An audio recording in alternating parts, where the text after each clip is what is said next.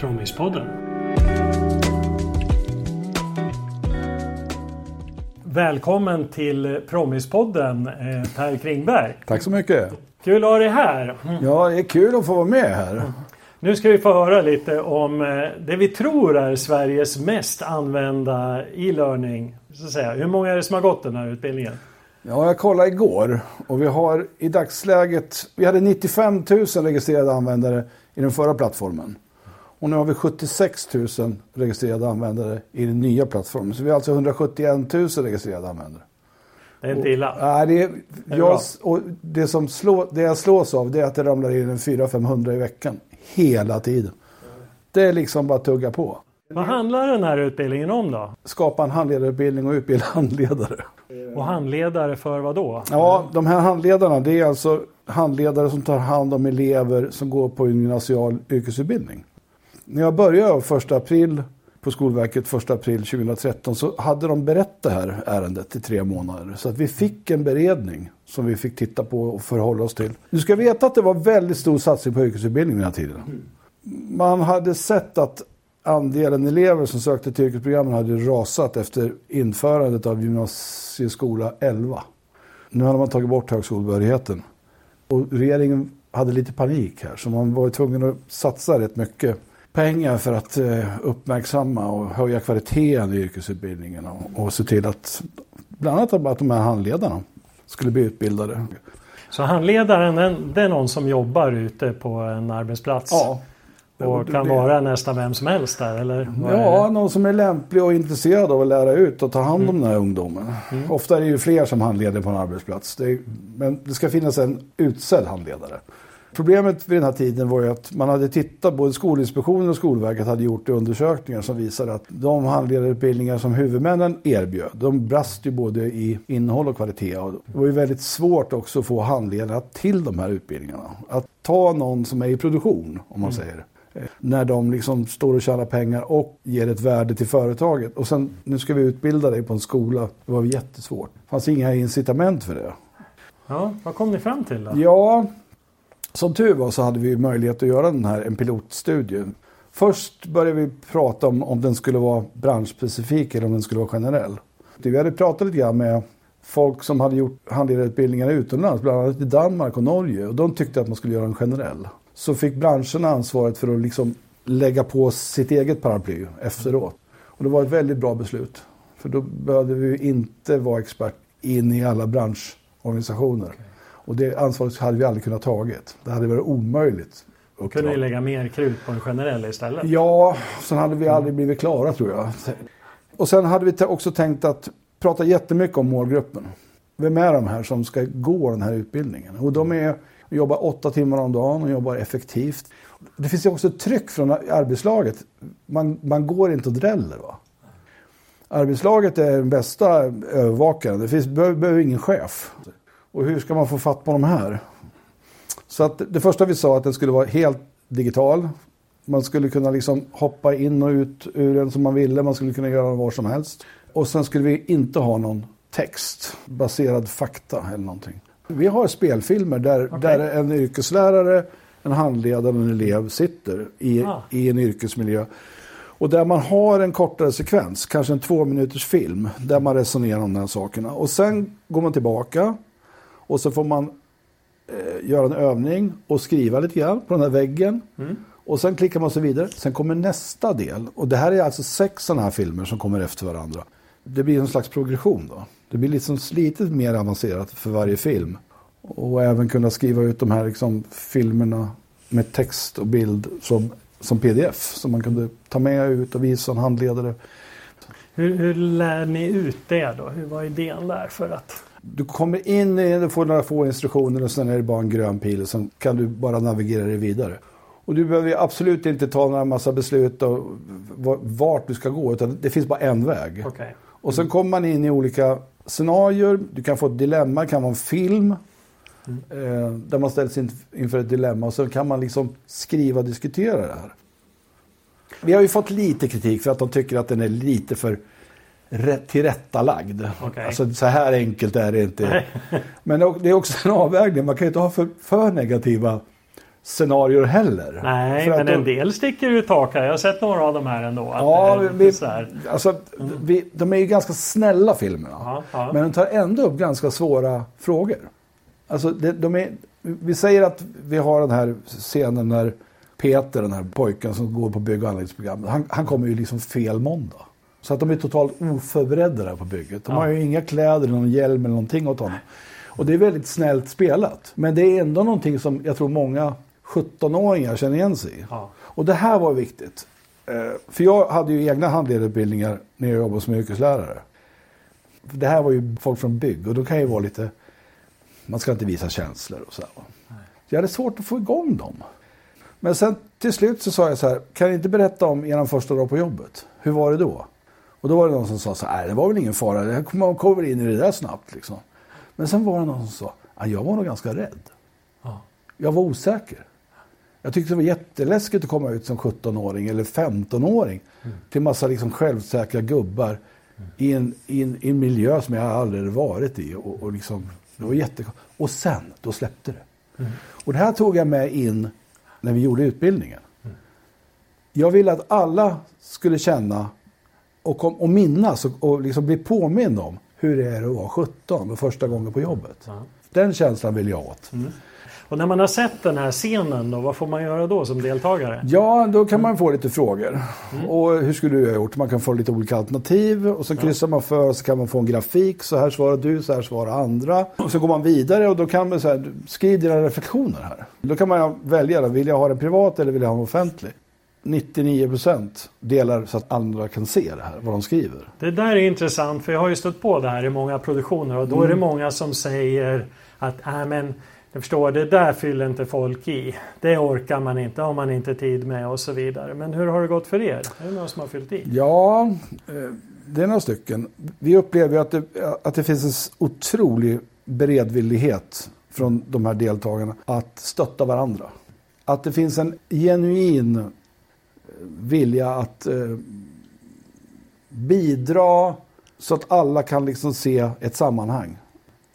Och nu har vi en och en halv miljon kommentarer. En och en halv miljon kommentarer. Ja, då ska jag säga det nästa gång. De säger att man, ingen fyller i det.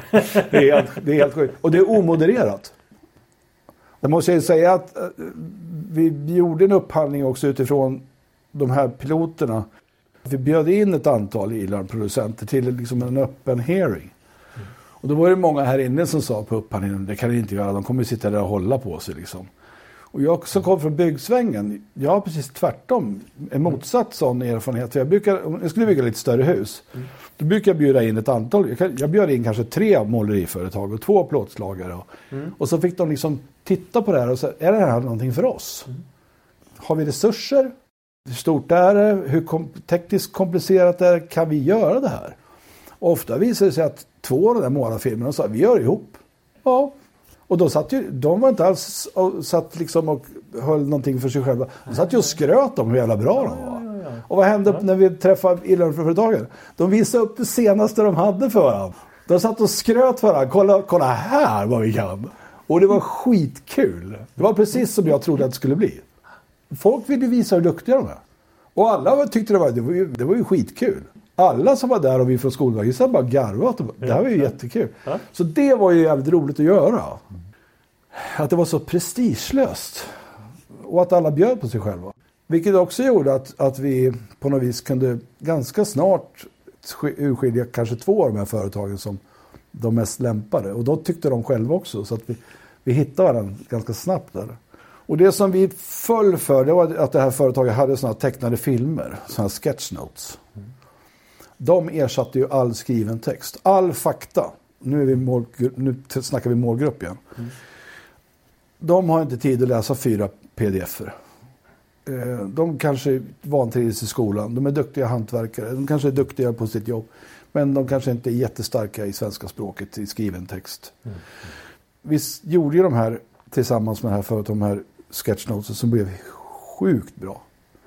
Jag tror inte man kan få in ett bättre pedagogiskt innehåll på en och en halv, två minuter så, så effektivt. Så, och du kan ju titta på det flera gånger och du kan få det som, ja, som en fast pdf som du kan skriva ut så att du har allting slutbilden på något vis som du har med dig. kan ta med, med ut på arbetsplatsen om du är lärare och prata om med din handledare. Mm. Vi kallar det för kunskapsbanken. Alla de där filmerna ligger på ett speciellt ställe som man kan gå in i och bara titta. Ah, den där vill jag kolla på. Just det, det är en liten pedagogisk lösning också. Ja, där, jättebra. Att ha en, en mm. kunskapsbank i mm. utbildningen. Ja. Eh, så att vi tänkte, just det här, vi tänkte på prova den först inom pilot. Och, och, just det gjorde att det tog ett år för oss att göra allt det här. Piloten, utvärderingen, upphandlingen, välja företag. Vi kom ju inte igång med själva produktionen förrän ett år efter. Vilket gjorde att utbildningsdepartementet, då var ju upplösningstillstånd. Och vi bara höll emot. Ja. Vänta nu, vi ska göra det här ordentligt. Ja. Och det här var ju min erfarenhet. Jag vet inte om, vi hade ju en, en projektledare som heter Kristina Grönvik.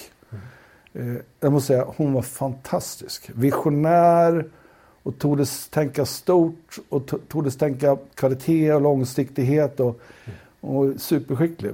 Sen bidrog vi alla i det här teamet på olika sätt. Och jag tror jag, jag kommer från byggsvängen. Jag hade ju varit projektsamordnare. Och som jag sa innan, när man ska bygga ett hus då, då samlar man ju en massa folk i projekteringsfasen. Mm. Och 70 procent, alltså bygga ett hus, det gör du ju innan du sätter spaden i marken. Mm. Mm. Och det var den erfarenheten jag tog med mig in. Jag, jag bromsar också stenhårt. Det här måste vi göra noggrant.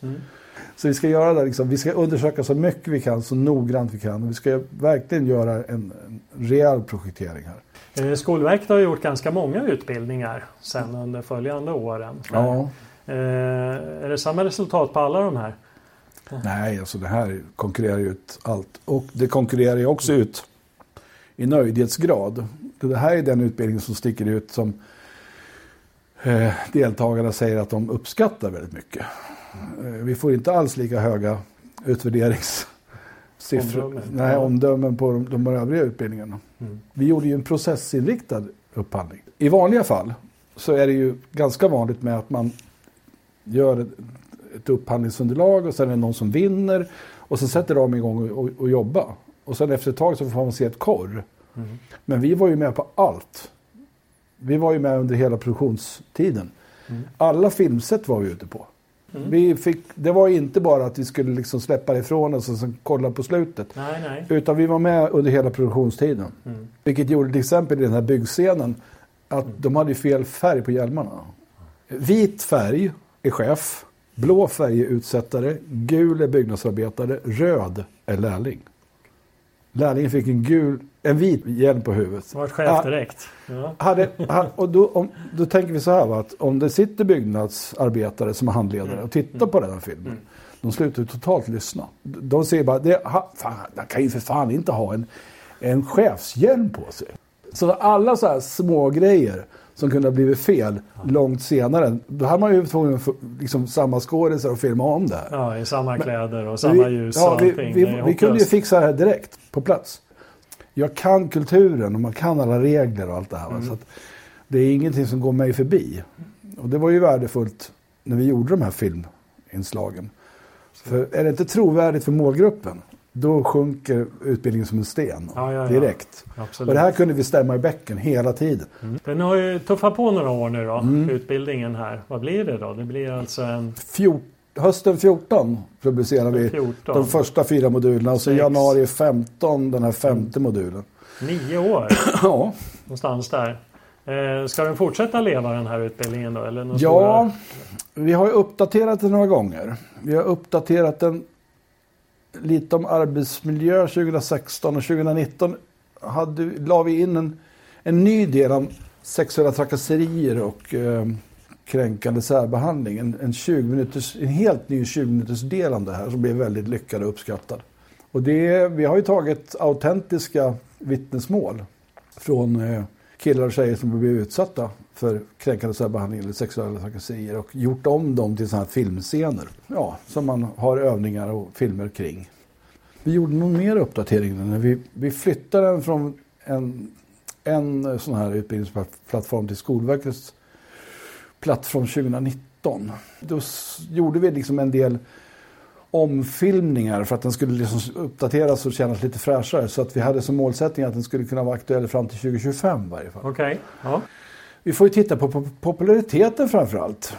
Eh, om, om folk fortfarande gör den här i stor utsträckning får man väl ta det som ett kvitto på att den är hyfsat modern. Ja, kul. kul. Ja. Hur lång är hela utbildningen då? Jag har fått den här frågan ganska, må, ganska många eh, skolmänniskor som frågar Ja, mig ja. hur länge ska vi hålla på med det här egentligen? Och även från företag. Och då brukar jag svara så här, hur pass mycket kvalitet vill ni ha i utbildningen? Om vi säger att en, en eh, utbildad yrkeslärare snabbspolar den här Mm. så kan man väl göra den på fem timmar. Okej. Eh, eller kanske fyra. Mm. En halv arbetsdag.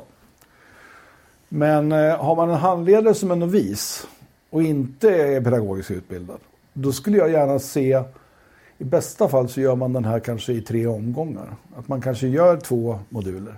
Och sen samlas man i ett arbetslag och reflekterar. Och sen gör man kanske två moduler till Mm. och gör samma sak. Och så gör man den femte då, eller sjätte eh, och gör samma sak. Och, och, och ja, träffas och vad har vi lärt oss? Mm. För den här reflektionen är så himla viktig. Att man får prata med någon annan. Så totalt sett ifrån de här eh, fyra timmarna upp till 15-20 timmar? Och, Ja, jag skulle kunna tänka mig. Vi har ju sett skolor som har gjort det här som en utbildningsinsats på, på en termin. Okej. Där man liksom gör en del och sen träffas man och så pratar man och så gör man en del till och så träffas man och pratar. Ja, ja. Och då blir det ju väldigt hög kvalitet. Mm. Och jag tror att det, här, det var det som tror jag la grunden till att vissa bolag började förstå att det här var kompetensutveckling. Mm. När man själv såg att man kunde använda det som att få sin egen personal mer medveten om sitt eget kunnande Mm. och hur man lär ut till andra. Fyra, fem timmar är ju ganska lång i utbildning idag när Mm. väldigt mycket ska gå på en kvart, en halvtimme och så vidare. Mm, mm. Nu är det ju kopplat, en, stor, en fjärdedel av utbildningen är kopplad till det här statsbidraget. Mm. Det är den här fördjupningsdelen om lärling, att ta emot en lärling. Eh, och den kände vi att vi här kan vi inte slarva bort. Här måste de vara duktiga. Ska, ska, det, ska de kunna kvittera ut 47 500 kronor Mm. per år i statsbidrag som huvudman Mm. och de ska betala ut 80 procent till arbetsplatsen, då måste den här handledaren, alltså då måste man sätta krav på huvudmännen att den här handledaren ska vara utbildad. Eh, Och det var faktiskt den, den delen vi vann pris med. Bästa e-learn från en offentlig verksamhet. 2015 tror jag vi vann pris med den. Det var ju kul. Så det Ja, är, roligt. det är roligt att en pedagogisk myndighet vinner ett pedagogiskt pris. ja, det är på tiden kanske. Ja.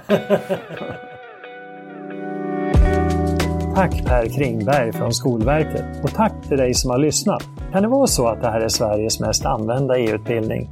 Eller har du något annat förslag? Hör av dig med tips på nya ämnen till Promispodden. Ha det bra!